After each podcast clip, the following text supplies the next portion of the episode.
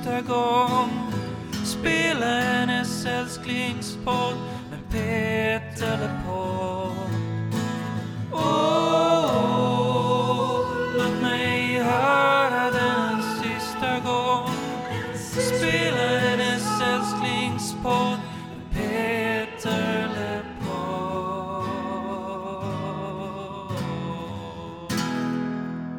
Välkommen hem.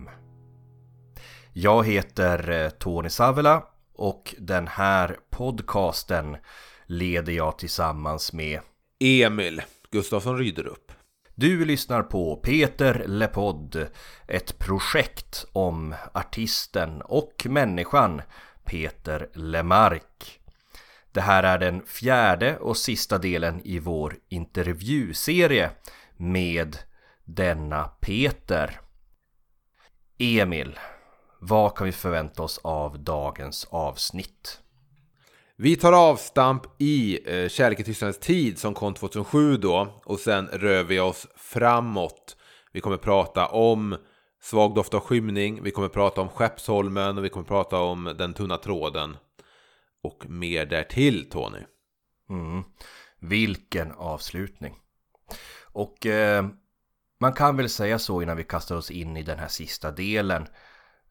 Ett minne här när vi höll på och planerade de här två dagarna eh, av eh, intervju och eh, hade mejlväxling med Peter.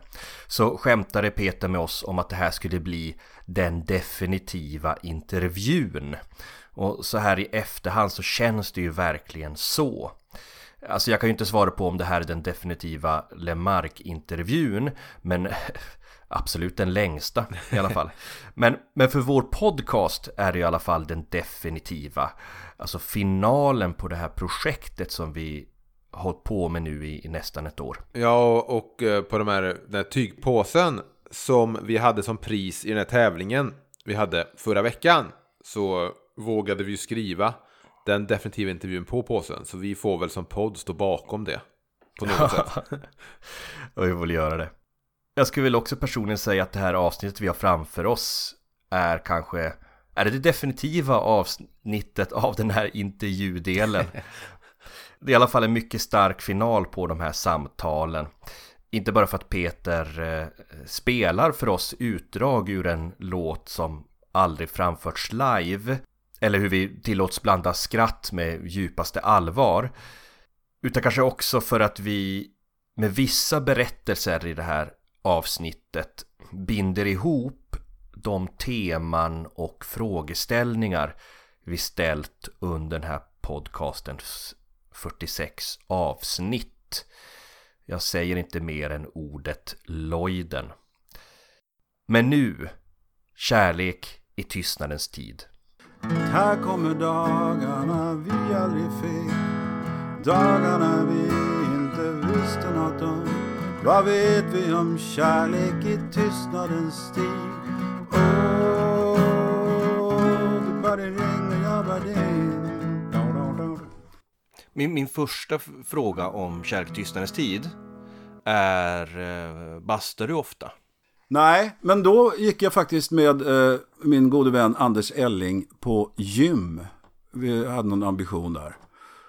Och då, efter vi hade gymmat så badade vi bastu efteråt. Så satt i bastun och tjatade. Och det var då, det hade väl gått ett tag efter jag hade, jag hade släppt innan, 17 sånger. Och jag hade liksom inga planer på att göra någonting. För att vid den här tiden när vi kommit så här långt, då fanns det ju inget MV som behövde få in pengar. Eller någon Tony som ringde och sa, nu har jag bokat studion för det är dags nu och sådär. För han behövde pengar. Vad det nu var. Så att då var det ju ingen som kunde säga till mig vad jag skulle göra liksom. Va? Det fanns ingen som kunde säga, "Det- nu får fan göra en skiva här. Det var ingen som, ingen som hade den möjligheten att göra, eller den, den power. Det var, med Sony var det ingen sån deal att vi behöver tre skivor på Nej, nej, nej, år. nej. Nej, det fanns, men det var väl någon deal där på, men det var inget, ingen som piskade mig att göra någonting. Så Anders sa, nu får du fan göra någonting. Ja, ja men innan si och så så skrivit, skrivit så många låtar. Okej, för han var ju lärare på lärarhögskolan, så han, hade ju, han var ju bekant med det här med beting och sådana här saker. Ja, men så då, då sa han det, och då sa han, okej, jag ska spela upp några låtar då och då, okej. Och så ringde jag Gomez och sa, var kan jag sitta någonstans? Ja, men du kan vara här ute i- restaurangen. Kan sitta, jag har en liten lokal och du kan sitta. Okej. Mm. Tog med min lilla hockeyväska med, med plastsynt och gitarrcaset och penna och papper och ett rimlexikon. Det här är ju en eh, skiva som är så otroligt lekfull. Tycker vi i alla fall att den är väldigt lekfull Ja, och ja, kreativ jo, men det var ju det att uh, Kärlek i tystnadens tid pratar vi om nu. Mm, mm. Johan Lindström som producerade, jag tycker han producerar den här plattan och jävligt bra dessutom. Han säger ju, jag säger så här, aldrig varit med om en producent som har producerat, alltså som har tagit så mycket av eh, platsen så att säga och kommit med idéer och sp- spelat dem. Och han sa, jag har aldrig varit med om en artist som har varit och producerat så mycket. Så vi, jag tyckte han producerade mycket, han tyckte jag producerade mycket. Så vi gjorde väl hälften var kan jag tänka mig. Men han kom ju med jävligt mycket roliga idéer och dels det här att jag inte fick göra några demos. Då försvann ju, försvann ju min grej där att tänka ut eh, fräcka arr eller hitta roliga riff eller slingor i förväg. Sådär, va? Utan då fick ju allt kommas på i stunden när vi stod där och spelade in. Och du har inte känt efter det att så här, wow, det här var ju ett roligt sätt att jobba, att du ville bibehålla det där att nu kör vi utan demos, nu går vi in och är spontana. Jo, jo, men sen var plattan efter det var Svag doft av skymning. Och då det hände ju grejer emellan. Jag fick cancer. Och det var inte alls säkert jag hade tänkt att fortsätta göra någonting. Utan efter det var man så här, nej fy fan. Folk tycker, eller jag har läst att människor som har gått igenom den typen av sjukdomar, cancer och så vidare, säger åh jag fick ett nytt liv efteråt, det var en gåva. Det är det inte, det är ingen gåva, det är fan, det är, det är inget kul, det är inget bra med sånt. Och man ser inte några klarare färger eller känner dofter bättre eller något sånt där. Det är bara, för min del är det bara skitsnack. Det gäller ju Monica också med hennes cancer. Det, det har tagit ifrån oss en massa saker som vi hade. Utan att gå in på detaljer, så, så är det ju så. Du gör en låt som Nakna sanningen eller du gör en låt som Gråta som en kar. Mm. Som eh, tar avstamp i den här upplevelsen med sjukdomen och med cancer Ja. du har gått igenom. Fast det nämns ju aldrig, för då hade det blivit alldeles för platt tycker jag. Ja, det, det tycker jag också. Mm. Jag tycker det är fint att man får ju själv applicera det här på sin egen Sjukdom. livssituation eller sjukdom eller vad man, vad man har tagit emot av det här. Om det är så att du säger att man kan aldrig förstå någon annans smärta, man kan aldrig... Vad är det då en lyssnare får utav att höra en låt som du exempelvis sjunger Den nakna sanningen? Jag, eh, jag vet inte, men jag kan tänka mig så här att vad var det Eklöf sa? Eh, din botten är också min botten. Något sånt där, jag kommer inte ihåg. Det finns ett jävligt fint citat som jag inte minns tyvärr. Jag vet ju att jag inte är så jävla unik, utan det jag känner och tänker och tycker och kan uppleva, det kan, finns väl många andra som också har samma, utan att ha gått igenom exakt samma sak. Mm. Och så är det ju bevisligen. Jag menar, jag ska gå hela här tycker jag är en väldigt tydlig personlig låt. Jag föddes för lyckas lillebrors blå. Uh, ung servitris, äldre affärsman. Eh, det kan ju inte någon annan upplevt. Men det finns folk som har kommit fram många gånger. Den låten har jag hört många gånger. Det handlar om mig. Ja, så är det väl. Jag är inte så inne i helvete unik att eh, jag är ensam om att känna sådana här saker. att uppleva vissa saker. Så det kan väl andra göra också. Det, ju, det sa vi ju när vi snackade om det avsnitt om svag doft, att det är något skönt också i att ha någon som bara vågar säga det där att Ibland blir det inte bättre sen. Ja, att allting inte ska låta som ett... Att varje motgång... Självhjälpsbok. Så Ja, men precis. Varje motgång är inte en del i ditt personliga varumärke. Nej, precis. Nej, men så är det ju. Och det, det är väl ett tufft eh, piller att svälja ner. Att eh, det blir ju inga hits av det. Att eh, sjunga att du är alltid ensam. Och ibland blir det ju inte bättre. Än så här. Vad händer då? Ja, man får acceptera. Och det handlar inte om att acceptera saker som man inte bör acceptera. Vad fan det nu är. Att man eh, har en chef som är idiot eller att man är för låg lön eller vad det nu är. Utan acceptera vissa saker kan man inte förändra. Nu är det så här. Det är ju massa saker som man skulle vilja men det går inte att få, få dem för att nu är det så här. Och det handlar ju om någon sorts acceptans av att så här är läget. Det är bara att gilla läget helt enkelt. För att citera Thomas Ledin. En annan stor poet. Ehm, eh, Du ska veta att jag älskar dig Det finns känslor som aldrig suddas ut Det lät som Björn Afzelius. Jag sitter i Havanna Med en flicka billig som få när vi kom hit idag så sa du att du hade drömt om Trollhättan i natt. Ja, Och eh, det händer inte så ofta att jag, men det var inte Trollhättan per se. Det var, jag var tillbaka i gymnasiet. nu. Jobbig- jobbig tid Ja, för- jag vet inte varför jag drömmer om det. Det har hänt, förr hände det oftare, men nu var det länge sedan. Men det var så här, och jag var i någon tyska klass. Jag var alltså den jag är, 63 år.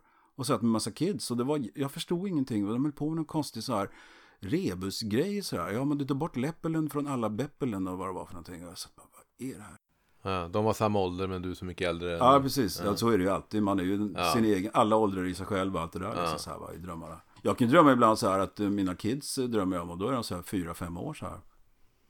Märkligt. Ja, man har ju alla åldrar men samtidigt tror jag man fastnar vid vissa avsatser i ett liv. Och fast i drömmen är jag ju liksom inte så här, jag tänker inte, ja, jag är 17 år här nu. Utan jag är så här, ja men jag är den jag är, jag är Peter här i drömmen. Ja. Och jag är, fyller 63 i höst. Och av någon anledning sitter jag i en tyska klass med en massa 17-åringar i Trollhättan. För det kom, kom någon sån här gammal klasskompis. Är du här? Ja, fan. Vad gör du här? På tal om det och dina drömmar. I låten i mitt andra liv, Ja. som jag gissar att du på fyllan ofta kallar ett stora verk. Nej men det, det är faktiskt en bra låt tycker jag. Och det är nog den bästa låten på den skivan tycker jag själv. Är det en låt som du jag läste faktiskt din textperm nu så det kanske är svaret, men är det en låt som du skrev fram till en låt eller är det en låt där du hade så otroligt många verser att välja på och fick redigera ner till en låt? Du Vad, vad, vad såg du i pärmen då? För det minns inte jag. Jag såg den färdiga texten, Ja, Okej. tror jag. Då var det nog så. Jag är ganska lat eh, när jag skriver låtar. Eh, ibland har det varit så här att det bara flödar på och jag kan inte få stopp på det sådär va. Men ofta är det så här, ja men nu är det tre verser. Ja, håller det ihop? Ja, det är en början, det är slut. Ja, bra. Klar för idag. Kan man få ta en pilsner? Jajamän. ja, men jag är, på det viset är jag lat liksom så här, va? Det är många låtar jag kanske skulle behöva gå tillbaka till och skriva om och sådär. Ja, för i mitt andra liv hade du kunnat haft nästan en alternativ version, gissar jag. Ja. Med tanke på vad man drömmer om och man Ja, precis. Nej, men det, det, det var en period där jag drömde mycket och pappa levde fortfarande. Och fast han låg med Ja. så här syrgas och, slangar och skit i, och inne i mörkrummet på Lindes foto låg han. Ja. Oftast i de här drömmarna. Jag kommer ihåg, fan det är ingen som har sagt något. Har du levt hela tiden? Och han liksom kan nicka bara eller sånt där va. Ofta de här drömmarna, men det har, de har jag inte längre. För du säger i boken att eh, bara några veckor efter eh, du skrev låten så försvann de drömmar om din far. Då tänkte jag, har det hållit i sig eller har de kommit tillbaka? Det har väl hänt att jag drömt det där någon gång ibland. Men inte på det viset, inte så här intensivt som jag gjorde under den perioden. Jag vet inte vad det var. Nej men det är väl någonting där kring den perioden. För jag har vissa minnesluckor där i, i, i eh, kronologin. När han var sjuk och när han dog. Mm. Så jag inte minns, var det före eller efter? Vad gjorde jag då? Och så här. Jag kan inte riktigt få ihop det. Så det är väl någonting som har, trots alla jävla år i terapi så sitter fortfarande kvar. Men där får man nog nästan säga till Peter Fransson, gå vidare. Man kan hålla på och älta, men bara så mycket liksom. Ja, det kommer väl en gräns.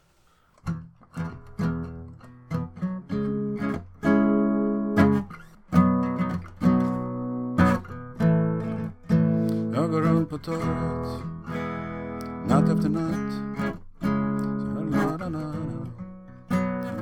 Ja. Då kan vi hoppa direkt kanske till även att du spelar live där igen 2007. Mm. Och på tal om den här låten i mitt andra liv så ställde vi ju frågan till oss själva då där på den eh, konserten som även skulle då förevigas på CD. Hur visste du att Yvonne satt där i... Ja, jag kan inte för mitt liv komma ihåg hur jag visste det. Jag måste ju ha vetat det, att hon var där. Hade vi haft kontakt? Det tror jag inte faktiskt. Men Hon hävdade ju att hon bara, jag betalade, jag och en kompis gick och... Ja, det finns ju inte en chans i helvete att jag kunnat sitta och se vilka som har köpt biljetter. Nej, Så är det ju inte. Eller stod hon på gästlist? Nej, hon hade biljett sa hon alltså. ja, hon hävdade ju det. För att, och vi hade ingen gästlista på den här turnén. Just det, så var det. Alla, till och med jag fick köpa biljetter. Jag gick ner till Bagarmossen centrum. Det, fanns, det var en tobaksaffär som nu är nedlagd. Där jag skulle hämta ut. Han sa, det var många biljetter du köper. Det måste vara en populär artist. det var ju så här, man skulle om du inte hade fått några. Ja, men det såg ut till att få. Man kan ju lägga undan i förväg. Så det var, det var okej, jag- det var inte helt fair play. Jag kunde lägga undan vissa biljetter i förväg. Och sen så köpte jag och gav till polare som jag ville skulle komma in, eller familj och så vidare. Så där. Det, det var ju första turnén på vad det nu var, 14 år. Var det det, 14 år? Ja. Ja. Och jag kände, jag vill inte ha liksom så här massa celebrities. Folk som sitter på första raderna så här. För att man fått friplåtar. Jag har ingen lust att se dem där. Jag vill bara att de som verkligen vill komma ska få komma liksom så här. Eh, vilka skillnader känner du så här mellan 93 och 2007-turnén? Kanske dig som artist? Eller? Det är ju en jävla skillnad. Det är ju en helt annan person som kommer ut 2007. Mm. Jag menar, det är ju en jävla skillnad. Ja, jag är mycket, mycket äldre. Känner mig mycket äldre än var 93. I boken säger du ju att eh, du, det var först i 50 års ålder som du insåg att du inte längre behövde inrepade mellansnack och att du kunde spela liksom en konsert för dig själv och Ja. dina fans. Var det den Det, känslan? ja, det är nog sant också. För att det hade ju inga mellansnack. Utan det var ju bara så här stundens ingivelse. Vilka som råkar vara i lokalen. Men så hur många blå skjortor hade du med dig på? 2007. Ja. Ja, hade jag fyra tror jag hade. Eh, inte samma, de är inte likadana faktiskt. Eh, fyra olika blå skjortor. Så jag hade så att jag, inte, så jag kunde slänga i tvätten. Det var ju, som mest var det ju tre gig i taget. Det var ju allt. Stockholm var ju två gig. Sen ledigt. Sen, jag vet inte, jag kommer inte ihåg hur vi körde de här. Vi körde Norrköping, Uppsala. Uppsala och Linköping. Och sen var det Göteborg tre kvällar. Då bodde vi mitt emot på SAS-hotellet där, vad det heter. Park Avenue heter det. Mm. Bodde vi mitt emot så det var bara att knalla över dit. Jag åt lunch där för kanske ett år sedan. Man fick inte kaffe till maten. Man tvungen att betala för kaffet. Det är snålt. Ja, som Trollhättebo du vet. Man har ändå det där bara, vad fan. Ja, kaffe. kaffe. ska väl ingå. Ja, då bodde vi där och då var det bara att knalla över. Jag var ju sådär i min kupa. Monica var ju med hela tiden. De fick ju ta hand om vraket. I kupan så sa att ah, ja, det funkar ikväll kan vi köra. Skit, det var ju utom efter sista giget. Det var ju så ah fan, juhu. Ja, för det, men gästboken sen känns så jävla... Vi pratade om det med, eh, med Jessica. Att Ja. det, det känns som att det fanns en sån fan vi gjorde det grej i dig. Ja, ja. Och man odds efter sista giget på Cirkus var det så. Och då när jag kom, kom ut ifrån eh, omklädningsrummen och samlat ihop mina pinaler, gitarr och allt vad det var. Då hade ju folk gått hem. Då kom jag, jag vill ha en whisky nu när Ja, turnén är klar. Ja, ja, Då var det, några av de här var kvar av uh, Le Marxisterna. Ha, ni är kvar, ja kul. Var är partyt? Eh, det är inget party. Och så, jaha, ska vi åka hem då kanske? Vad hade du för förhoppningar sen inför 2010-turnén som aldrig blev av? Alltså det, det, den planerades och det ställdes ju in i ganska god tid. Det var väl några månader kvar till eh, premiären. Jag hade hunnit sälja biljetter dock. Mm. Tyvärr. Just det, jag jag ska se för lite här. Mm. Nej, jag gjorde någon playlist för vad vi skulle spela. Och då var det låtar vi inte hade kört 2007. Ja, för du säger i en intervju så här. Nu när det inte har gått 14 år mellan turnéerna så finns det väldigt många låtar jag inte har spelat live. Ja, eh, Du och jag mot världen var en sån här låt jag ville spela live. Ja, för den har inte fått... eh, Nej, den, och jag tror vi skulle inleda med den eller något sån här. Pojkar flickan på Drottningtorget sedan kysser varann. De blundar för bussar som kör förbi som bara älskande kan. Och din syster sa, det där går aldrig bra. Och vi två tog ett tåg från en stukande stad. Fick inget med oss på den här färden. Ja, det var du och jag mot världen. Så var det då, så är det nu.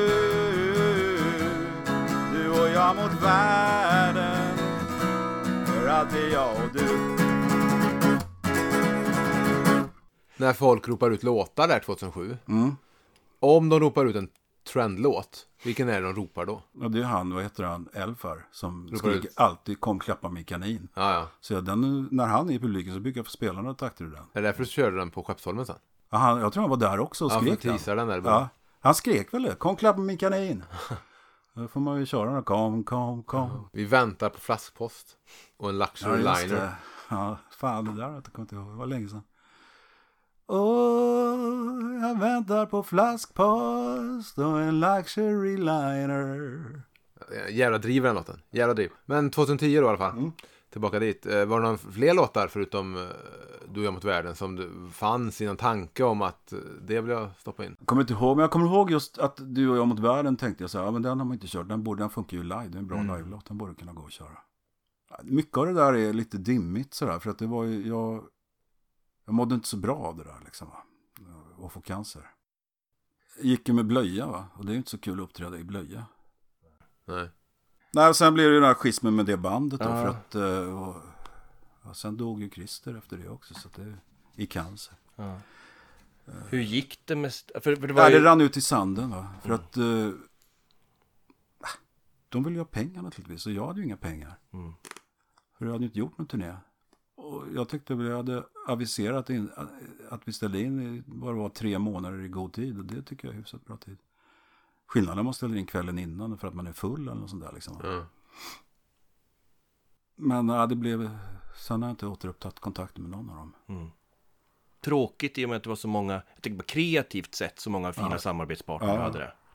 Jag har ju sådär, av någon, jag vet inte hur, varför det är så, men jag, på något vis har, jag, har det alltid varit så, sen jag slog igenom, att jag har, eller även innan, att de som man litar på som är lojala, de är med livet ut. De är med hela vägen sådär. Eller väldigt, väldigt lång tid. Och det gnälldes det ju på på 90-talet. Ja, det är samma. Det är Tony och Werner och Pelle Siren och ladda, ladda, ladda. Och fick jag kritik för det. Men så har jag känt det. Men är det någon sen då som fular och riktigt gör bort sig i mina ögon eller gör att jag, att jag känner att den där människan kan jag inte lita på. Mm. Då tack, vi pratar inte mer, jag vill inte ha kontakt med dig. Mm. Men de som är inne är alltid inne för, för resten av livet. Så är det ju.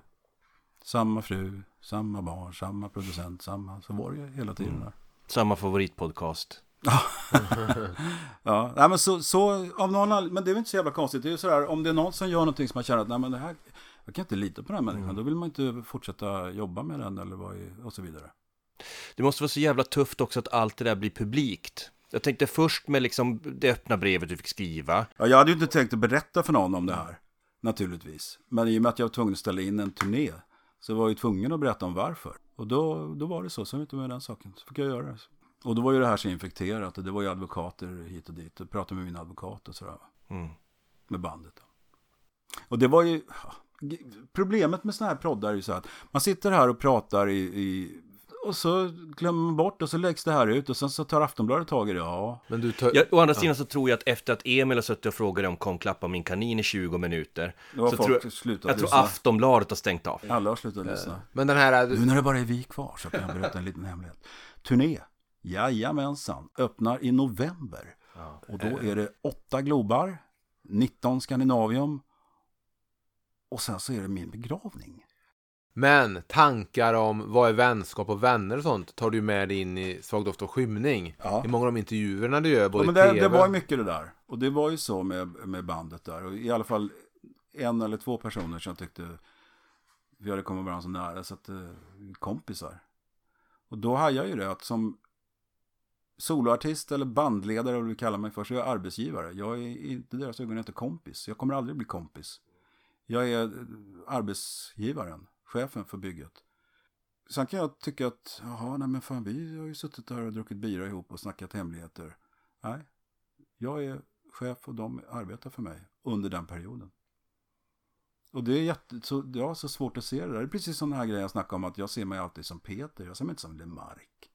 Jag ser mig som Peter. Det är Peter som från det han var fem tills han är 19, tills han är 30, tills han är 40 och så vidare. Jag är alltid Peter.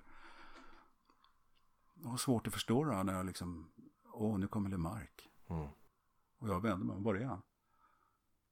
Har du någonsin använt det? Alltså när du ska eh, boka Nej. någon restaurang? Jo, det har hänt vid något, det hände faktiskt en gång. För sånt där är jag allergisk för. Liksom så här att, vet ni inte vem jag var? ja. Men, eh, nynna på Tess. ja, ja, men det var en gång Monica och jag var i Göteborg och vi skulle gå på något ställe. Vad fan heter det? Det var en finkrog som var, fanns i Göteborg som låg uppe vid eh, nedanför, un, eh, vad heter det, kåren och allt det där. Eh, hette någonting La Place eller något sånt där. Det var någon trekant och en punkt i. Och så ringde jag, tjena, jag skulle, eh, behöver ett bord, två personer. Det är fullsatt här ikväll, finns det ingen möjlighet? Här, vad trist, okej. Så tänkte jag, jag ringer igen. Ja, hej, Peter Lemark här. Eh, lät jag som Emil. Hej, det här är Peter Lemark. Autören, vivören, lebermannen, den stora konstnären. Jag undrar om ni har ett bord åt mig och min musa i afton. Sa inte så, men jag presenterade mig som Lemark och plötsligt fanns ett bord. Mm. Som det var fullsatt innan. Jag och Emil har ju bokat bord under ditt namn nu i två Ja, år i Göteborg. Helt okej, det får ni gärna göra. Har ni nytta av det så visst. Nej men det, det, det där, nu är det ingen som kommer ihåg mig längre. Ingen som vill höra de här låtarna längre. Är slut. Var det jobbigt att röra sig ut i samhället på 90-talet när du var som mest ikänd? Nej, alltså och- jobbigt var det ju aldrig. Och det är också en grej, jag tänker, de människor som kommer fram nu för tiden och säger någonting. Alla är ju vänliga, så hur fan, det kan man inte bli arg på. Du hade det varit så här att man hade varit skurk i någon jävla dokusåpa eller något sånt här. Och folk skulle slå på käften. Då hade det varit annorlunda. Men så, så är det ju inte. Folk är bara vänliga. I alla fall de jag har träffat hittills. Vi får se hur det blir efter den här podcasten. Eh, på tal om det här med vänner. Eh, du, du har ju också sjungit om att du var eh, ensam barn men också Ja. ett ensamt barn. Du- Det är mycket prat om ensamhet Ja. och sånt. Är ensamheten en konstant för dig eller har du en, känner du en annan ensamhet nu mot när du växte upp? Alltså, när jag växte upp var det, då var jag ju enda barnet. Och jag vet ju inte hur det är att ha syskon, men jag har ju sett Monica, hon har ju två systrar. Och hur de nu, speciellt nu på äldre dagar, hur de ständigt, de ringer varandra varje dag nästan och pratar och tisslar och tasslar om dittan och dattan och sådär va. Och jag får vara med i deras messenger-tråd också som så här plus en. plus en på listan. Eh, och då kan jag ju se liksom att ha någon som har växt upp med samma föräldrar i samma område och allt sånt där liksom. Det, det är ju en tillgång. Och jag har ju inte det. Men jag har ju en annan sak nu liksom. Jag är ju inte ensambarn längre på det viset. Nej. Gå vidare Peter, väx upp. Eh, Jag har ju familj, jag har ju mina barn, jag har Ja. mitt barnbarn, jag har min fru liksom så här. Det, det, jag ingår i ett annat sammanhang nu. Där det inte spelar någon roll för jag har syskon eller inte. Hade du husdjur som barn? Nej. Jag gissade det. Inga husdjur, ingen sport. Det var bara en sak. Musik. Alltid musik när jag växte upp. Och det var ju en skillnad på den tiden, vi säger sent 60-tal och 70-talet där, att folk identifierade sig ju med vilken musik de lyssnade på. När man kom hem till någon, första man gjorde var att kolla vilka plattor har de. Ah, oj, oj, oj, Gibson Brothers, nej fy fan, oj. Eh, och så var det ju liksom så här, man blev vänner över, över musik också. Som jag träffade den här polaren Peter Bengtsson i Yngves skivbutik. Bara, han stod i Neil Young-hyllan och jag stod i Springsteen. hade precis kommit bort och run. Vi möter varandras blickar. Tjena, hej. och så är vi vänner sen, börjar prata. Och... Nej, alltså det, det, då var det ju en tid när man identifierades av vilken musik man gillade. Men jag var så jävla övernördig vad gäller musik. Så att eh, om vi säger att man gick i grundskolan, då tyckte ju folk att han, han är ju helt musikskadad. Mm. Eller popskadad sa man då faktiskt. Men när, du- okej, när du ser tillbaka på Svag för skymning. Ja. Hur ser du på den? Jag tycker det är en bra platta. Eh, är det något jag vill ändra på den? Jag kommer inte ihåg låtordningen nu, men...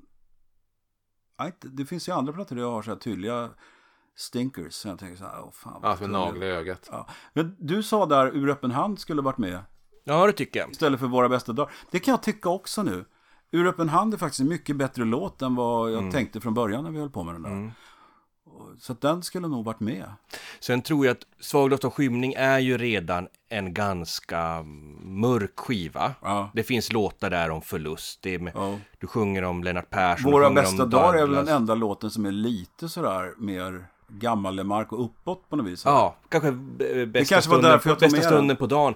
Ja, just det, bästa stunden på Och den dagen. balanserar ju upp det där, kanske Ja. ger lite respit och någonstans så Ja. är det ju... Och precis, det var kanske så jag kände också. Att Mm. eh, fan, äh, men doom and gloom. Hela plattorna, vi lever upp de här. För öppen hand var aldrig tänkt på att vara med på plattan.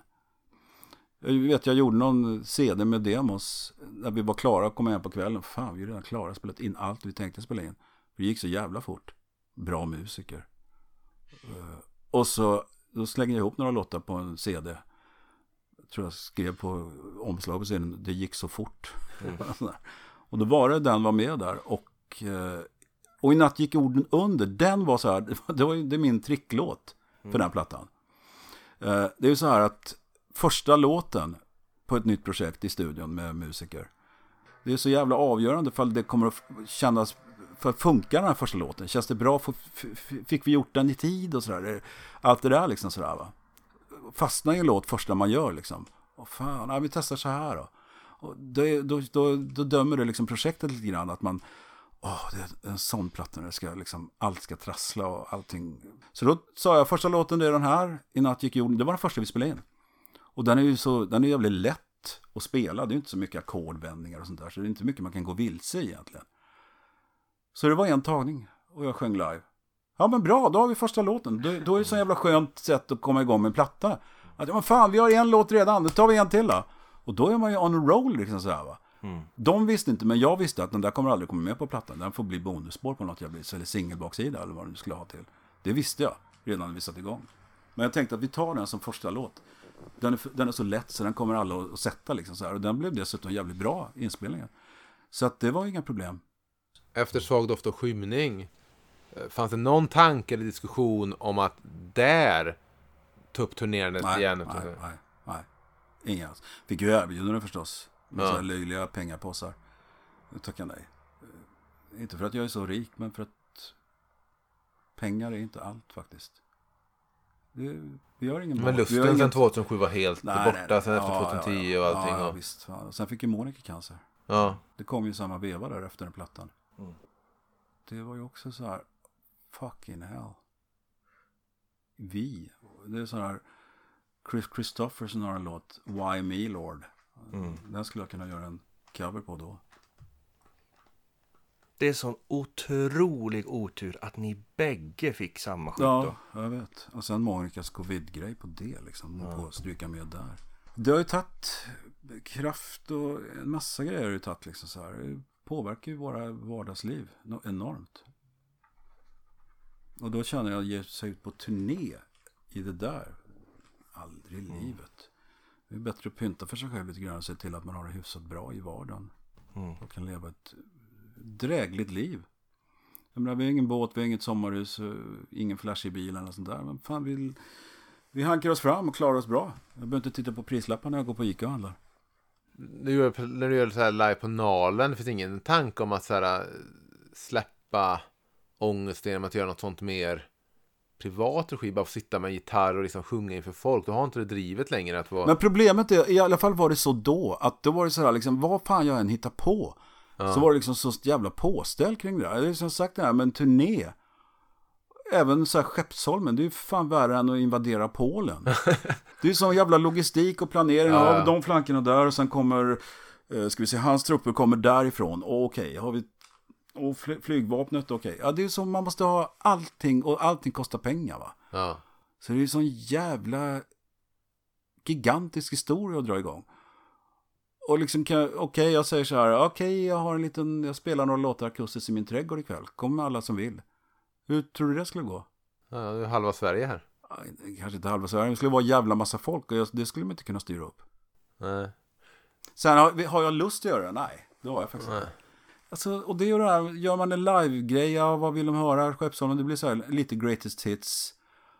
Och det som man kan ha kul med är ju mycket det här att hur man arrar om låtarna och hur man kan hitta på med det liksom sådär. Va? Och det är häftigt och det är kul.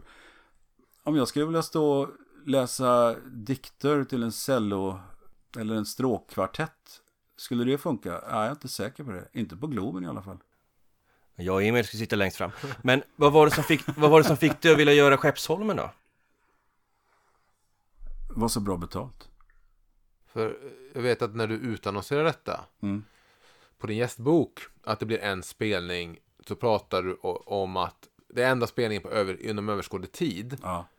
Det här med att det blir den sista valsen, sista konserten, kom det längs resans gång? Eller var det någonting du bestämde när du slöt, liksom, gjorde en deal med Skeppsholmen?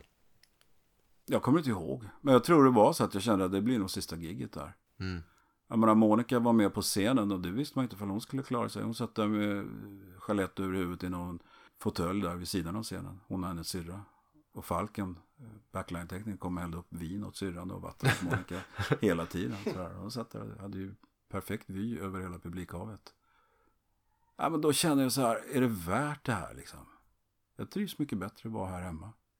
Och göra resor naturligtvis, det är ju schysst. Var det någon skillnad? Var det kul att ändå bygga ihop den här konserten och repa för en konsert? Ja men det var kul. Att Ja men det var kul för att då var, blev ju inte förkyld under den perioden när vi repade. Jag var ju nervös naturligtvis, började Mm. bli sjuk och förkyld och tappa rösten. Men det funkade och sen dagen när det var, då var jag ju frisk.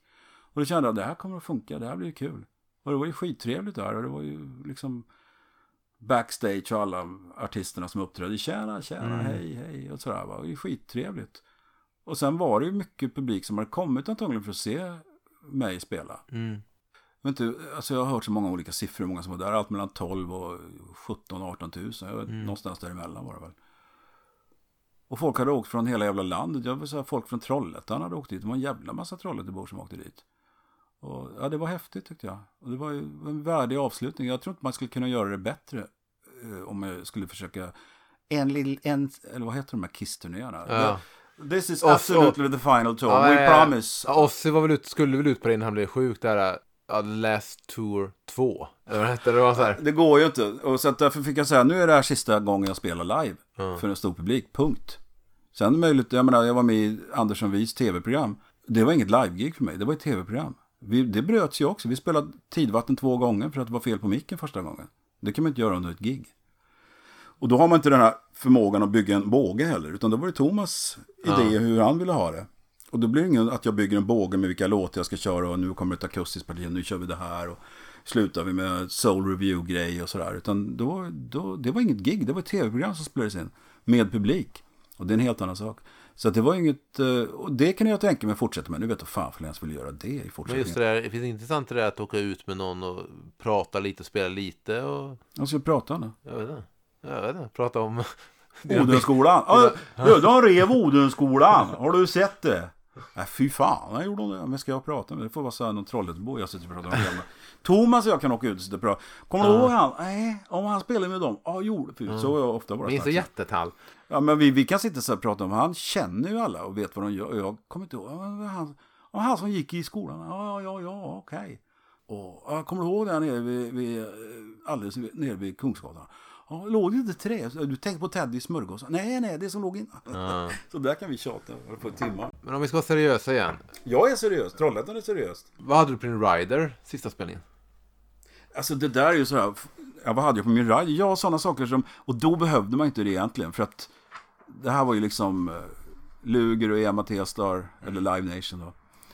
Så att de visste ju, ja men det är ju så här, vad vill man ha? Ja men vill ha, om vi säger varför har, har man, varför hade jag Rider 93? Ja. Jo, man kom till massa ställen där det var olika arrangörer varje gång. Va? Och eh, dels är det sådana här enkla saker som scenmåtten ska vara för att få in produktionen. Och eh, elförsörjning, allt sånt där måste fun- funka liksom. Va? Och sen vad vi vill ha backstage, ja men då är det så här att handdukar är jävligt trevligt. Finns det toalett, gärna en spegel i logen. Det är inte alltid det finns liksom. Nej. Så toalett, när man kan eh, sätta sig och det finns toalettpapper, check. Det är inte så här bara röda M&M's eller något sånt där liksom, utan toalettpapper, ja det finns en toalett med toalettpapper, det finns en spegel, bra. Eh, sen vill du ha Ramlösa och sen kanske man har ett par vinare och någon, några öl. Inte för att jag ska dricka det, men ibland så dyker det upp folk i logen efter giget. Fan vad bra det var, fan, har du någon bira? Ja, Ja. ta här. Sådär va. Det är så här, handduk, eh, några backar Ramlösa, eh, under gig och kanske en back öl. Hur var känslan backstage då på Skeppsholmen innan? Innan att gå ut där igen? Jag var ju nervös, det var jag ju. Men det var ganska avslappnat tycker jag. Vi hade repat och det satt och det var jävligt bra. Det var ett kanonband alltså. Det så jävla bra musiker. Eh, Så jag var, jag var ganska, jag var, för att vara mig var jag väldigt avslappnad tycker jag. Och det var ju så här, vi satt där i någon, eh, i något hus bredvid. Soffgrupp och lite så här, lite avslappnat och bara satt och snackade skit. Och jag gick och sjöng upp mig och sådär. Sen, sen var det plötsligt dags. Och då går du ut där på scenen. Hur, när du såg det här publikhavet, hur var... Ja, det var ju skithäftigt var det ju. Och, men då var jag ju lite vaccinerad, för 2007 hade jag ingen aning om hur det skulle tas emot överhuvudtaget. Och det, det, var, det var ju Beatlemania, det var ju, folk jublade, och det var lite lustigt 2007, för då hade jag ju sån här förtejp. Dels hade vi sån här musik i hallen. Och det har jag varit med om förr, att, eh, alltså på 90-talet, att någon valde det där så blev det så här, vad fan är det här för jävla skit? För på något vis är ju även det som spelas i lokalen när man, innan gigget, Ja. eh, ska ju representera mig på något vis va. Så då hade jag bara, då hade jag valt ut, gjorde jag en CD som gick på 70 minuter, gick på repeat, så med bara sunkigt-låtar. Eh, Sån här Frank Andersson singel Frank du är så speciell och tänker ju på, ja du vet, han rappar och sådär. Ja. Ricky Bruch, mig fångar ingen brud. Sådana där låtar. Bara sådana var det. Det var ingen som tänkte på det. Men det var min lilla, mitt lilla sätt att visa humor. Eller vad Ja. fan man ska kalla det för. Du vet, nu när man tänker tillbaka på det så här, hur korkad får man vara? Men så var det. Jag visste inte alls hur det där skulle tas emot, live-giget 2007. Eh, efter första giget visste vi det. Men jag ändrade inget i alla fall. Då hade vi så här en lång, jag tror den är sju minuter lång introgrej. Eh, Morricone. Från, det är ingen spagettiväst, det är någon annan film. Men det är hans stil sådär. Och redan där var ju folk klappa takten till det där va. Och sen kommer Dahlbäck, mina damer och herrar. Och det är inte med på liveplattan, det klipper bort den och så här. "Eh, får jag be er att ni stäcker, stänger av era mobiltelefoner? Tack, med hans superbasröst sådär va. Och då skrattar ju folk bara. Det är ingen som tänkte stänga av någon jävla mobiltelefon. Men det fick jag dem göra på Skeppsholmen. Eh, och, men då var ju folk redan skogstokiga liksom. Så här, stod upp under det här Morricone-introt. För jag tänkte att det kan vara bra. Folk går runt och letar efter sina platser. Folk var ju fan där in, långt innan giget började. Det var ju fullsatt. Det fanns ju på varenda ställe 2007. Så det var inte så att folk, min tanke var att då går de nog och letar efter sina platser. Då kan den där musiken mest sänka ljuset och sådär. Folk satt ju och klappade till det där och tänkte, fan börjar aldrig? Så kommer Dahlbäck och håller en långt snack där. In på tejp naturligtvis, eller på eh, USB eller CD eller vad vi hade. Och sen då kör han där, eh, ge en varm applåd till Peter Mark. Och där ställer sig folk upp och börjar jubla. Och då vet ju jag att nu ska Jesper spela introackorden här kanske i en eller två minuter. Så där redan där, för då tänkte jag så här, ja men då kanske folk känner igen den. De kanske ger en liten välkomstapplåd. Men folk är skogstokiga, står ju och bara... Och sen kommer jag in där, då bryter ju helvetet lös liksom så här, en jätteapplåd sådär. Och det där tog ju tid liksom hela tiden. Så jag tänkte, det där går ju fort. Dang, dang, dang, nu när skylten har slacknat. Så var det ju inte. Och det var ju det vi hajade, den där jävla introt på sju minuter, Morricone eller vad det var. Det hade man ju kunnat skippa. För det var ingen som gick och letade efter sin plats. Alla satt ju ner och väntade på att det skulle börja. För de hade ju haft en chans med, i och med att Melissa spelade först. Och sen var det en liten paus på bara en kvart eller sådär va. Och det var ju samma när vi stod, jag kommer ihåg det väldigt väl när vi var i Budwills där i Hammarby hamn och repa hela proddrepet. Ja, eh, sista låten där liksom, bandpresentation. I, här, du är bra, här kommer din älskling. Du. Och då hade jag så här, ställer upp och ge en stående ovation till.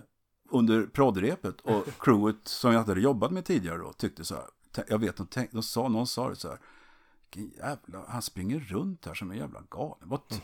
De hade ju också väntat sig att folk satt ner hela tiden, mm. lite uttråkade så här. Folk stod ju upp hela tiden. Jag vill inte säga ge en stående ovation till. Utan det var ju bara, folk stod upp och dansade från första gigget. Och det var, det tog oss, jag kommer ihåg efteråt, vi var alla så här, what the fuck happened there? Så då hade jag ju, inför Skeppsholmen var jag lite vaccinerad det där, visste att okej, det är länge sedan jag spelar live och folk eh, kommer för att höra mig. Det är inte så att folk bara råkat gå förbi och tittar in. Vad händer här ikväll? Ja, det är någon jävla gubbe som spelar. Ja, ja. Utan de var där för att se mig och ville väl, mig väl. Så att det visste jag. Det, hade, det till skillnad mot 93 så hade jag 2007 hade lärt mig det att det, de, de är här och de kommer för att betala för dig och det kommer att vara rätt mycket folk. Så det behöver du inte oroa dig för. Men jag vill ändå ha lite att man bygger upp bågen och så här. Så jag, då tänkte jag vi börjar med Månen i mitt fönster men med ett lite sådär film noir-intro med trumpet och piano som övergår i Månen i mitt fönster. Sen kan jag komma in. Och det funkar. Det hade ju funkat att turnera på den, det, den setlisten och det, det som vi körde på Skeppsholmen. Men det var jävligt skönt att det var både turnépremiär och turnéavslutning. Ja. När det var klart så var det liksom klart, då behöver man inte tänka mer på det. Och imorgon ska vi till, vad fan man nu skulle, Uppsala och köra här igen. Men hur känner man då när man går av och man tänker att så här, ja det var sista gigget? Ja, men liksom. då, då var det så här, fan alla var ju så här, kan vi inte, vi kan väl köra igen? Ja, ja, ja det är inget bokat, det går inte att fixa en turné så här bara så här, ringa till några lokala apisar runt i landet. Ja, fan, tjena, vi kommer med.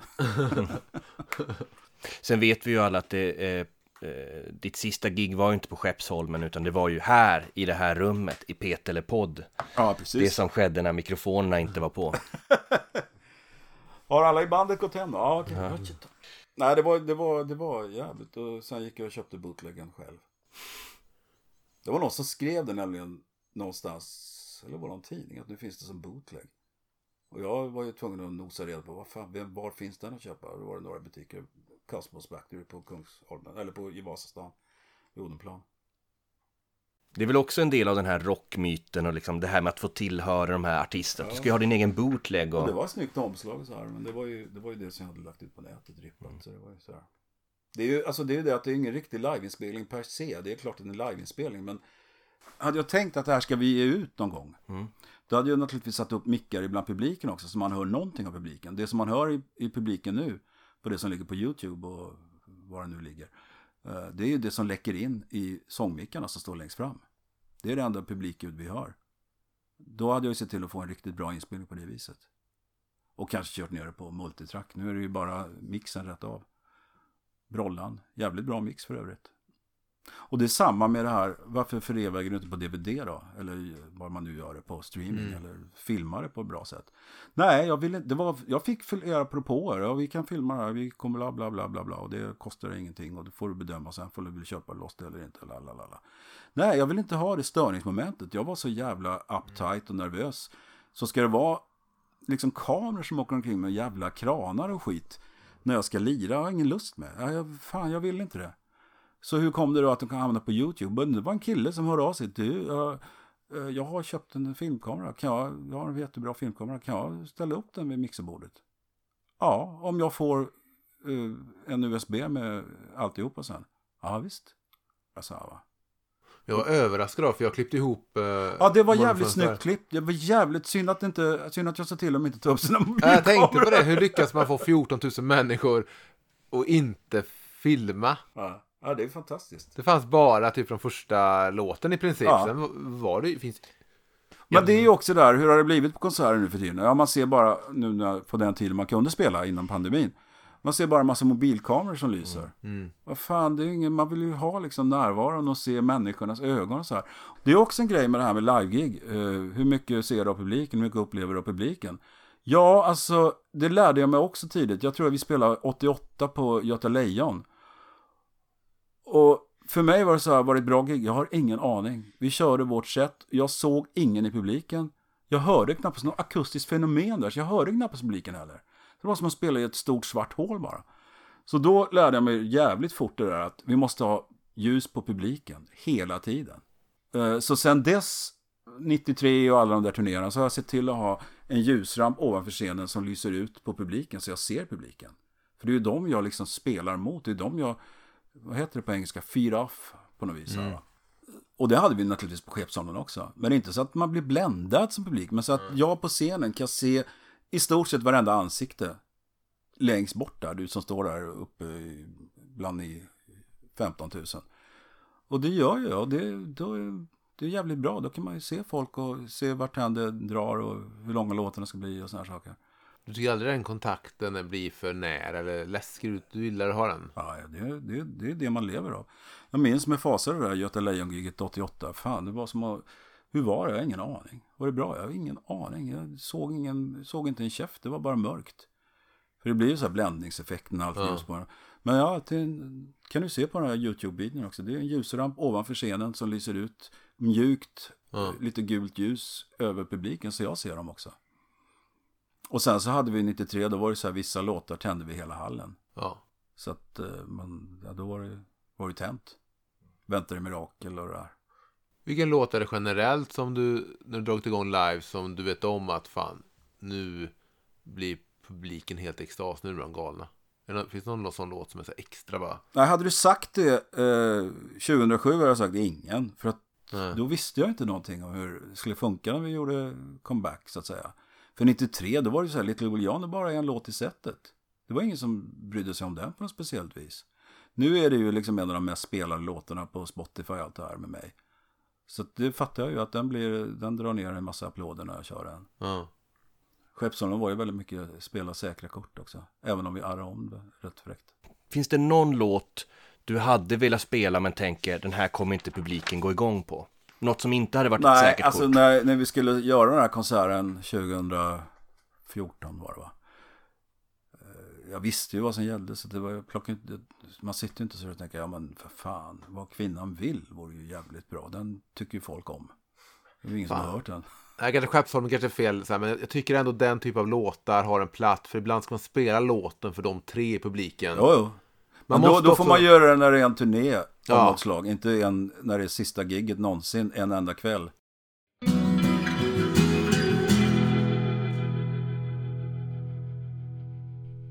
Med tunna tråden. Mm. Din hittills sista skiva. Ja, det är min sista. Det är din sista skiva. Ja. Och med Min sista album. Ditt sista album. Ja. Med tanke på att det blev ditt sista album. Så blev det ju en final på den här berättelsen. Är det en podd menar du? Det blev en final på, på våran podd och det blev också en final på egentligen den kärlekshistoria som vi har fått följa. Ja, men den är ju inte slut än. Nej, den är inte slut i Hoppas jag. verkligheten.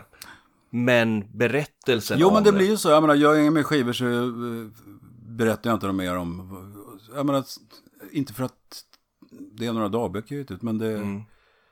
Det är ju så att det, det var ingen... Jag hade kanske gjort en platta till om det fanns för, förutsättning för det. Mm.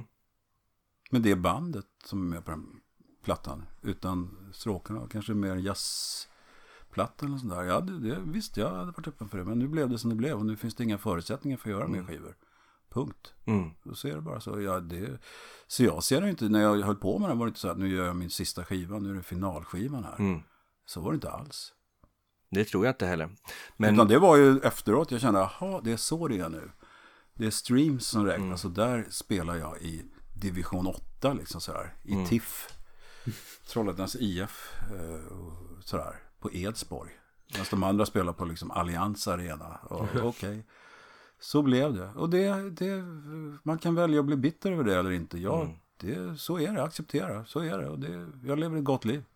Men du kan hålla med om att du, nu har du ju faktiskt skildrat ett förhållande från i princip förälskelsefasen, från det att det var liksom småbarnsåren fram till liksom pensionärslivet. Ja, det har ju blivit så. I och med att, eh, som sagt, det är inga dagboksanteckningar, men det är ju Lennon. I, I write about me because I know me. Mm. Och det, så är det då, då följer du så att säga det liv jag har levt. Det är väl så för alla låtskrivare på svenska som skriver i den singer-songwriter-traditionen, att det följer ju de upplevelser man har, för att det är de man kan eh, använda sig av. Men du har ju varit unik på det, på det sättet att du har kunnat skildra ett och samma förhållande och vad det tar vägen. Jo, så kanske det är. Eller så är det ju, eh, tror jag. Det är inte mycket... Ta på din röda klänning. Du sjunger ju på skivan Vi är nästan lyckliga. Ja, Kan man bli, kan man bli mer än nästan lycklig? nej.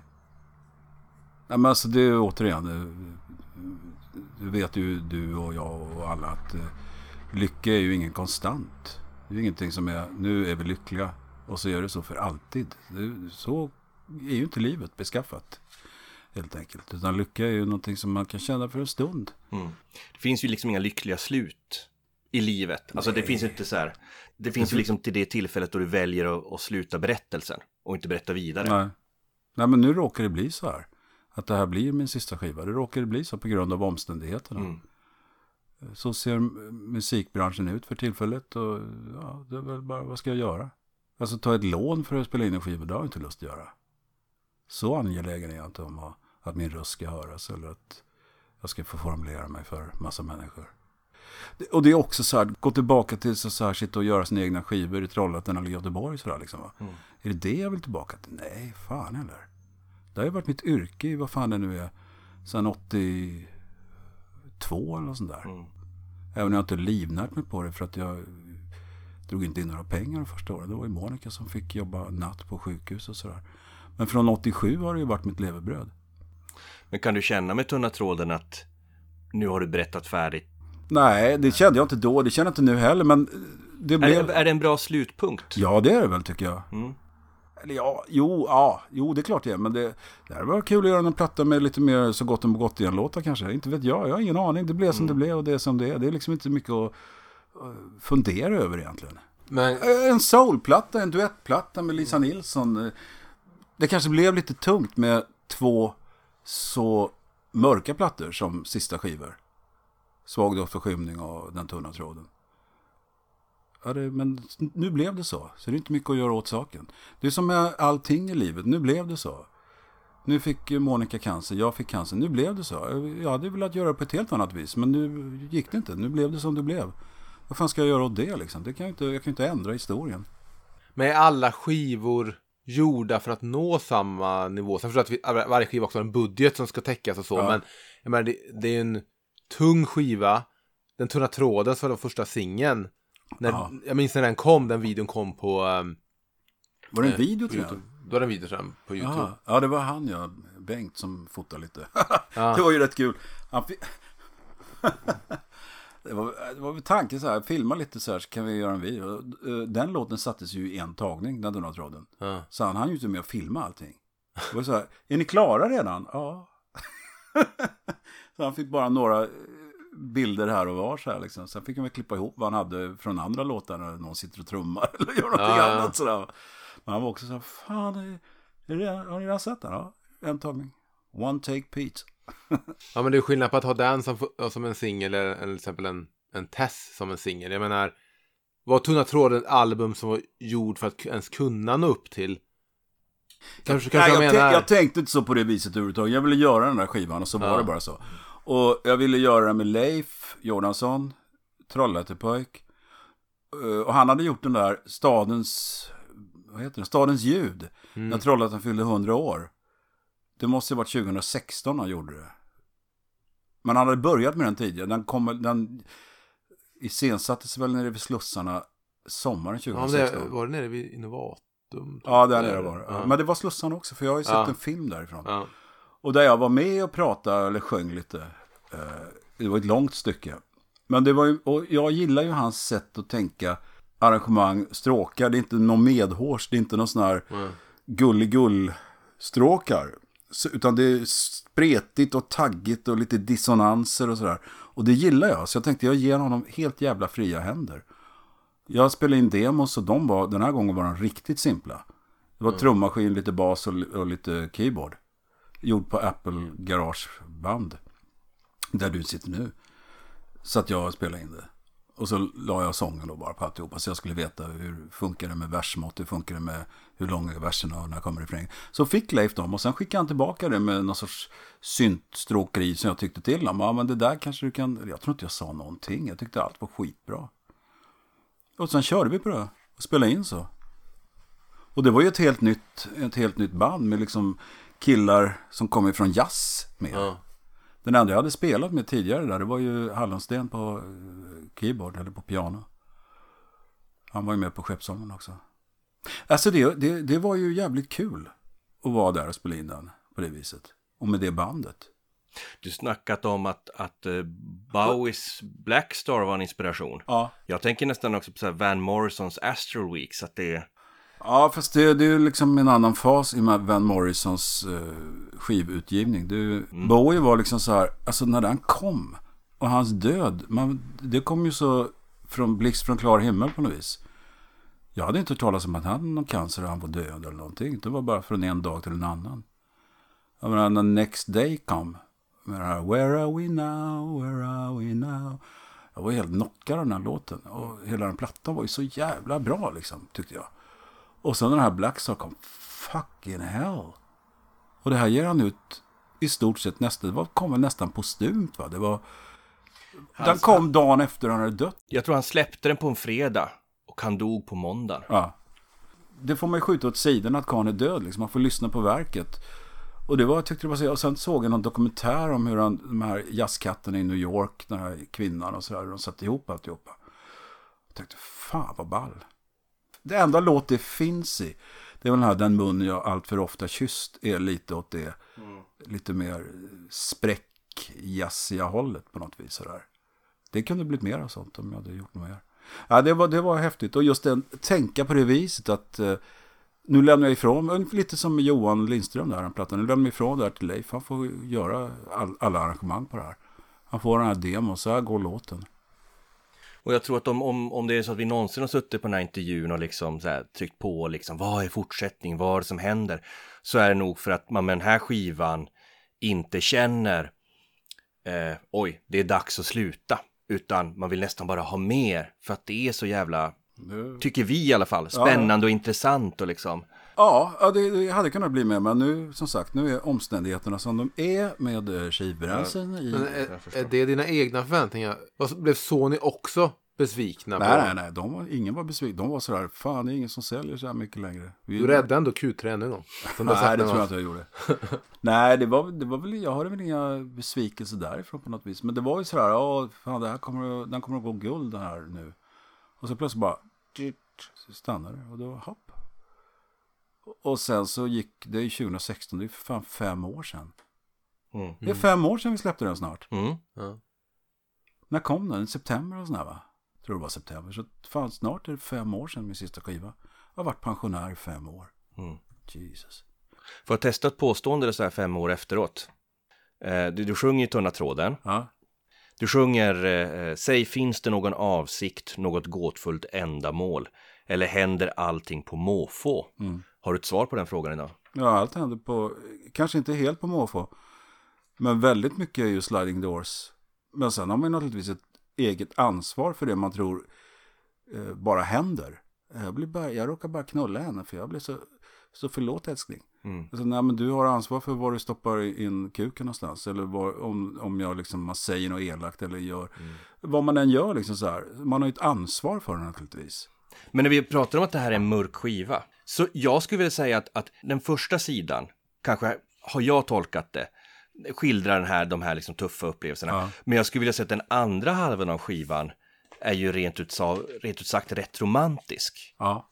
Och till och med som sagt att den skildrar det här som vi inte har fått höra så mycket, det här liksom kärlek i, i pensionärslivet liksom. Ja, kärlek i tyska, tyskarnas tid. Ja, exakt. Som vår tekniker sa. Som, var, som jag upptäckte var lika gammal som min första guldskiva. Kärlek i tyskarnas tid trodde han den hette. Nästa år eh, firar ni väl 40, gör ni väl? Ni gifte er 82? Ja, men när vi gifte oss är helt Ja, oväsentligt. det är oväsentligt. Ja. Det- Vi blev ihop uh, våren 79, det är det vi går på. Mm, April. Då är det ju över 40. Aha, ja. Eh, nej, men alltså 42 är det nu. Väl. Eh, men giftermålet var ju bara en sån här grej liksom så här. Mm. För det var på den tiden ingen gifte sig. Det var liksom så här, det var ingen, man levde i sambo. Fan, vi gifter oss. Ja, men vi säger inte det till någon. Så skulle vi gifta oss i Rådhuset i Göteborg. Och så fick Monikas syrra reda på det naturligtvis. Och då kom hennes morsa och farsa. Och då var jag tvungen att säga till min morsa, "Äh, ska du gifta dig? Fan. Så det var min morsa och hennes föräldrar och hennes syrra. Så det läckte ut. Men det var ju ingen så här. Det var ju visst ett sätt att, be, att, befästa sin kärlek till varandra. Men då var det ju så där. Vi pratar 82 va. Det, det var ju ingen som gifte sig. Det var ju liksom så här. Det var ju väldigt eh, gammalmodigt. Mm. Så just därför tyckte det var en kul grej att göra. Man kunde välja då, långa eller korta ceremonier. Vi tog den ultrakorta så här. Så att min morsa kom ju dit och han inte sätta sig ner förrän det var över. Ja, ni är gift redan? Ja. Så det var så, tar du den andra, tar du den andra? Ja, ja, tack, hej. Och hon, hon stod fortfarande och letade efter var hon skulle sitta någonstans. Liksom när det var över. Stackars Maj. Ja. Så så allvarligt tog vi på det. Sen gick vi på en Kina-krog som hade happy hour. Och, och åt bröllopsmiddagen. På Osynligt bläck, första Mm. spåret på den tunna tråden. Som också är en dunderlåt. Ja, jag gillar den. Jag Som- tycker den är bra. För vi har ju pratat i podden om de här låtarna som nästan är som så dagboksblad. Där du, du är väldigt fri att blanda åldrar. Och det känns Ja. nästan som att du bara har flödesskrivit. Även om jag förstår att det inte är så man mejslar fram en låt kanske. Det är ett hårt jobb. Ja, men så känns det för mig som att det, det är den sista delen. Du har, du har ju, jag såg hela det här närmare gränsen Ja. i mitt andra liv. Och så känns det som att Osynligt bläck lite går i den Ja, det är, en sån, det är den traditionen. Det är det verkligen. Men jag, när jag skrev den kommer jag ihåg att det, tanken var just det där, blanda åldrar. Jag sjunger det, jag har alla mina åldrar inom. Ja. Att blanda åldrar så att jag är både liten, jag är 20, jag är 30, jag är 50, jag är 60. Hela vägen i den där låten på något vis. Så det blandas och ges hela tiden. Så att en rad kan vara 1971 och en rad kan vara 2016. Va? Så, att man kastas mellan de olika tidsepokerna utan att någon vet vad sjunger han nu om. Så här, va? Min mamma står i köket, va? Är inte hon död? Sådär va. Ja, för, för jag tycker nästan den låten känns som en summering. Så att här får ni mitt, mitt liv på ett sätt. Eller ni får Ja. liksom ett, ett ögonblick från liksom mitt Ja, det, det, det, nästan testamente också kan jag känna. På ett i, vis, ja på ett vis eh, är det ju eh, och just det, du kan höra mig sjunga när jag Ja. är långt härifrån. Från en radiogrammofon. Och det är så här, vem fan har en radiogrammofon? Ja. Hör ju på Spotify. Men för mig, jag har ju fortfarande sån här radio från 50-talet ute i biblioteket som jag lyssnar på då och då. Det är ju jävla ljud ur de där gamla rörradiorna. Och den håller fortfarande. Tänk så här. Det tänkte jag när jag skrev när allt ska bort. Till Totta sen som kom ut demon. Det är så här liksom. Alla saker går sönder. Ja. Allting går fan sönder nu för tiden. Hur länge håller en iPhone? Sex år. Ja, så finns det någon glödlampa i England som har hängt där sedan 1800-talet. Ja, som- här har jag en radio från 1950 eller sånt här. Och den funkar alldeles utmärkt. Rörstärkare. Så att, eh, och det, Ja, jag såg nästan och som... jag låter så gammal gubbe, men Ja. jag är en gammal gubbe. Eh, Men Men därför skri- använder jag ordet radiogrammofon i den texten. För Ja. att det är liksom så här, ja, jag lyssnar faktiskt på, eh, inte en radiogrammofon, men en så gammal radio. Visst, det är en sorts summering, men också så här, hur, hur, blev, jag, hur blev jag den jag är? Mm. Hur hamnade jag här? Det är en sån låt är det. Finns det någon speciell anledning till att du återkommer ofta just till fyraårsåldern? I den här låten, i Närmare gränsen, i Svag doft och skymning? Alltså det visste ju inte jag att det, att det var så. Det har inte jag tänkt på. Jag har absolut inte tänkt på det. Det är just fyraåringen, Peter. Ja, ja jag vet inte fan varför det är. Men det är väl en bild jag har av sådär, när får man sina första minnen och sådana grejer? Mm. Eller är det fotografier jag minns? Vad är minnet egentligen? Eh, Minns jag det här på riktigt eller är det ett fotografi jag har sett? Men det är ju så här, Stavresgatan i Trollhättan är ju så här, ja, då är jag väl runt fyra där. Och hur det såg ut där. Och det, när jag skriver en låt eller när jag skrev låtar så måste, man, måste jag på något vis försätta mig i den miljön jag är i då. då. När jag skrev den så fanns det ju mycket, jag såg var mycket av Stavresgatan 10A. Den lilla, eller lilla, det var ju en trerummare, så liten var det inte. Och hur det såg ut där och hur det var. När jag växte upp så var det ju min mormor som tog hand om mig. Och som är på bilden där. Mormor Jenny. Och varför förstod jag inte riktigt. Och jag har inte fått något svar på det sen. Men jag tror att det handlar mycket om det här att Eh, jag tror alla i den sidan av släkten, för den andra sidan, farsans sida, fanns ju ingen. Det var alla döda. Eh, förutom farmor i Stockholm. På den sidan var väldigt oroliga för det här äktenskapet. För det var inte någonting, det var, det var 20 års skillnad i ålder och kom från helt olika delar liksom, av Sverige och helt olika förhållanden. Även om farsan kom ur fattig statar Småland och allt det där. Liksom, han byggde sig upp en karriär, gjorde self-made man. Så där, liksom. Startade en fotoateljé som var hovleverantör. Eller startade, tog över. Hur skulle detta gå? Jag tror det fanns en oro där. Så att min mormor kom från nästan dag ett och var med mig tills hon dog. Varje dag. Och det tror jag var någon sån här, dels att morsan jobbar ju och sådär va. Eh, men mormor var alltid, så det var, mormor var så att säga den jag såg som min mamma. Under mina första sju år. Och när jag, när man bad aftonbön så bara, gode gud bevara mamma, eh, mamma, pappa, mormor och Lloyden. Vad var Lloyden? Jo, det var en sån här liten eh, tysk pytteliten bil. Som högsta hastighet var 70 tror jag. Och ungefär som en Trabant, sån här DDR-bil. Så var den alltså. Det var en Lloyd. Och det var vad min farsa hade. En liten rosa Lloyd med vitt tak. Och den var jag så kär i. Och Lloyden försvann ju innan mormor. Mormor försvann när jag gick i första klass tror jag. Och var sju år. Och jag kommer ihåg att jag blev utvisad i korridoren den dagen. Och jag tänkte bara inte mormor ser det här hur jag betedde mig och sådär va. För jag, du vet, jag, min käft har ju alltid gått på glapp. Så det var ju sådär. Peter, gå ut i korridoren och får du vila lite. Hopp. Och Lloyden, den försvann, det kanske var sex eller något sånt här. Var, den, den var med i aftonbönerna, mamma, pappa, mormor och Lloyden. De breakade de nyheterna till mig om Lloyden, som om det vore en, en familj. Peter, vi måste prata med dig om någonting nu här. Ja. Lloyden eh, är död. Jaha. och då hade den, då skulle den, ja den, han hade väl sålt den och skulle skrotas. Det var ju, fan, var ju så här, var ju ett topphastighet 70 liksom så här. Och sen, vad heter den gatan då? Borta, borta för Vita husen där jag bodde. Borta mot Järnvägsgatan och Älvhögsgatan heter det. Eh, mot där de sen byggde Älvviksborg. Ja. För det var inte byggt då. Då gick jag där en dag och tittade. Och då stod Lloyden där, rostig. Det var så här, de hade ställt upp gamla bilar som skulle skrotas. Rostig och jävlig, så Lloyden levde. Det är kanske därifrån min dröm med pappa som fortfarande le- ibland och kom. Fortfarande lever med slangar och grejer i något mörkrum och så här. För med Lloyden var det ju så, den var ju död sa mamma och pappa. Ändå så stod Lloyden där framför mina ögon när jag vandrade vilse någonstans borta vid, vid vi kallade det verket, det som sen blev bassänger i, på Hälviksborg. Och det var ju Lloyden, det såg jag. Och det var, det, det var en sån chock kommer jag ihåg att se att Lloyden som var död står ju borta, bortanför verket Älvvägsgatan. Vad fan, han lever ju. Och det är ju samma när mormor sen dör. Hon kanske också ligger någonstans och, och fortfarande vid liv sådär. va. Man kan aldrig vara säker. Nej, de misstag har gjorts. Eh, ja, men nu då när du har släppt den sån tråden som Ja. avslutas med ordet farväl Ja, i Ängeln av Gem. Den Ja. lilla epilogen som du själv kallar när du pratar med Jan Gradvall. ja. När du ser då på ditt samlade verk om man säger så, om det är sista albumet, det kommer inte en super soul eller jazzskiva Nej, här på slutet. tyvärr. Det går ju crowdfund. Du har ju till och med marxister i Sverige. Ja, men då är vi tillbaka i så här liksom eh, Trollhättan, pojkrummet eller Ja. Göteborg med, när vi flyttade dit och man gjorde sin egen singel och, och kan få ställa ut den här ett tag hos er och så här.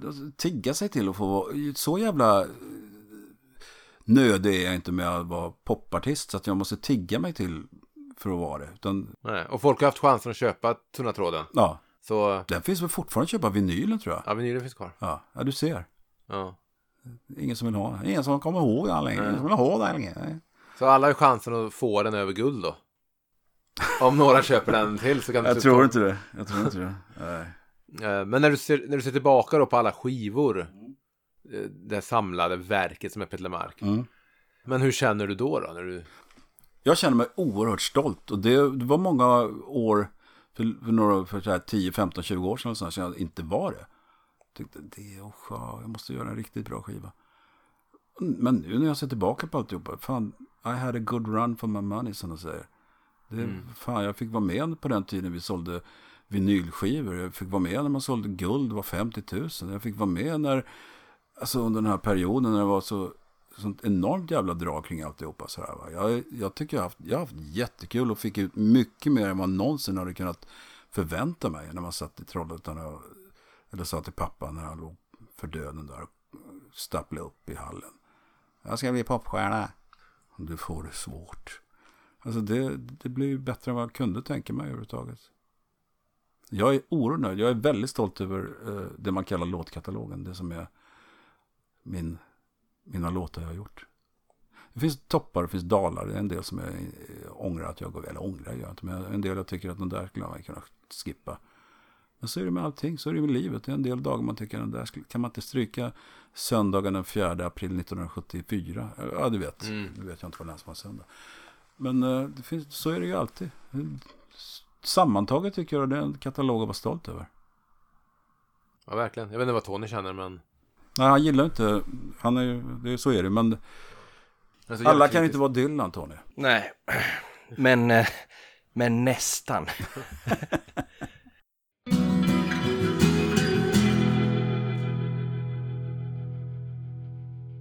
Där lämnar vi samtalen i Bagarmossen. Mm. Känns lite sorgligt nu när man själv har lyssnat på det här sista. Det är väl som allt i livet. Hur mycket man än inte vill ta det för givet. Så tar man ändå saker i livet lite för givet. Kan du förstå vad jag känner Tony? Ja, jag förstår verkligen hur du känner. Och eh, jag skulle vilja börja med att säga tack. Alltså inte bara, inte bara till de som har lyssnat, men, men ett stort tack till, till Peter. För det är därför man verkligen ska göra det. För nu har vi verkligen vi har suttit och, och klippt och vi har planerat och vi har hållit på så man nästan blir lite så här. Man tappar lite fokus på att vi faktiskt fick den här möjligheten. I den här podden som vi startade för snart ett år sedan. Eh, att faktiskt avsluta den med den här intervjun med huvudpersonen själv, Peter Lemark. Så att det är verkligen ett stort tack. Och det är ju så innerst att man knappt kan egentligen eh, alltså beskriva. Ja, men att, att denna liksom Lemark, född Fransson, alltså han släppte in oss i sitt hem. Under två dagar så svarade han på varje fråga som vi ställde. Vi fick välja te eller kaffe. Ja, ja men han lät oss bläddra i sina pärmar och spela låtar liksom som vi efterfrågade. Eh, och det hade han ju liksom ingen skyldighet eller personlig vinning på att göra utan det var ju mer det var väl det att vi tjatade till oss det men, men, men det är jag i alla fall väldigt eh, tacksam för att, att eh, vi fick möjlighet att göra. Så eh, om jag får vara lite storvulen och, och använda stora ord så skulle jag ändå vilja säga att det här har varit ett minne för livet. det är väl svårt att säga emot det kanske. Så ehm, ja, hela den här podden har ju varit eh, ett fantastiskt äventyr och vi har fått chansen att prata med fler intressanta människor än Peter och vi har fått chansen att eh, förkovra oss i det här artistskapet och verkligen lyssna på skivorna och som en skiva som Marmor som jag tror vi aldrig kommer glömma och Mm. så det har varit fantastiskt. Jag tänker så här att nästa vecka så återvänder vi med Peter Lepods sista avsnitt. Eh, Då vi kan sammanfatta våra upplevelser av, av det här projektet och prata om just de här grejerna, vad, vad vi har varit med om och eh, ta ett sista farväl till er lyssnare. Ska vi säga som så Emil? Det tycker jag, Tony. Och vi är ju alltid lika glada när vi får respons på våra avsnitt. Hur gör man Emil för att ta kontakt med oss eller hänga med i nyheter i Lemarkvärlden? Ja, enklast är väl att följa oss på Instagram eller Facebook. Twitter går också bra, där heter vi Peterlepodd. Om man vill komma i kontakt med oss via mail så gör man det på peterlepodd.gmail.com. Och vår fina intro och outro-musik Emil, vem är det som har komponerat den? Ja, det är ju Trollhättesonen Kristoffer Hedberg som har bandet Easy October som vi tycker att man kan ta och lyssna på. Allt är bra nu. Gitarrsolo.